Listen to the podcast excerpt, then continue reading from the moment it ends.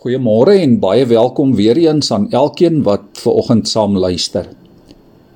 Ek is baie bevoorreg om so 'n klein groentetuin agter in die erf te hê met 'n bietjie boontjies en eiervrug, groen russie, bietjie spinasie en botterskorsies. Ek moet sê dis nogal lekker om 'n groentetjie uit jou eie tuin te kan pluk en te kan geniet. Wat baie opvallend is, is hoe welig die groente begin groei het die afgelope weke na die lekker reën en die sonskyn van die laaste paar dae. Daar is sommer skielik 'n merkbare verandering en 'n toename ook in die produksie. En so liewe vriende, weet ons dat groei baie belangrik is in enige lewende organisme. As iets nie groei nie, is daar iewers fout. En die uiteinde is dat die organisme meeste van die tyd uiteindelik doodgaan. In die plant en in die diereryke werk dit so dat groei die bewys is van lewe. En saam met lewe en groei kom daar allerlei voordele en ook vreugdes. Dit is ook dieselfde met ons geestelike lewens. Ek en jy moet groei in ons geloof sodat Jesus en sy karakter al hoe meer sigbaar word in ons. Ja mense in die wêreld behoort al meer van Jesus in ons lewens te kan sien.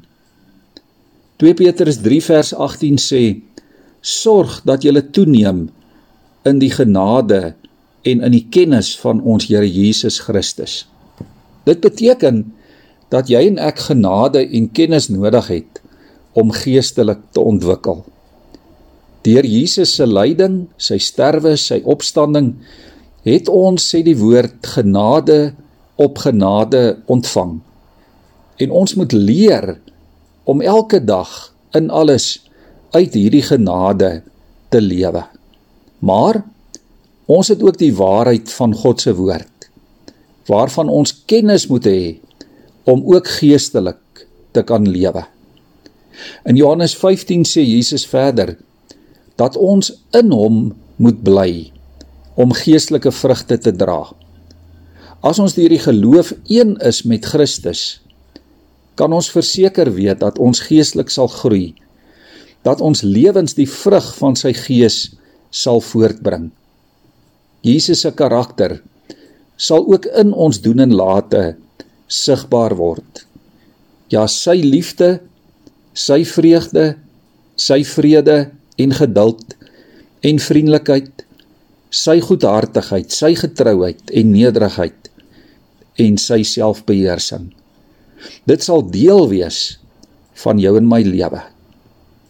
Die vraag vir môre is of ons besig is om geestelik vooruit te gaan en kan mense in die wêreld rondom ons Christus ook sien in ons lewens kan hulle hom in ons doen en late beleef. Kom ons onthou die woorde van 2 Petrus 3 vers 18 vandag.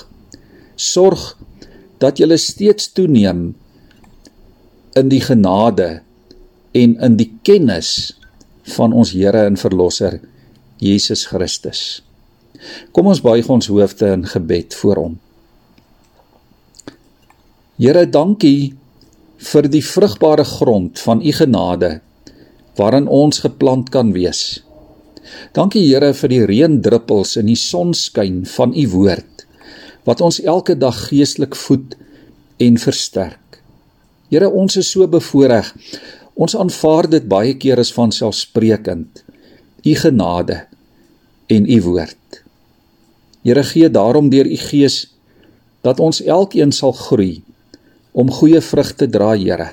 Vrug wat bewys dat ons lewe en dat ons in u gewortel is.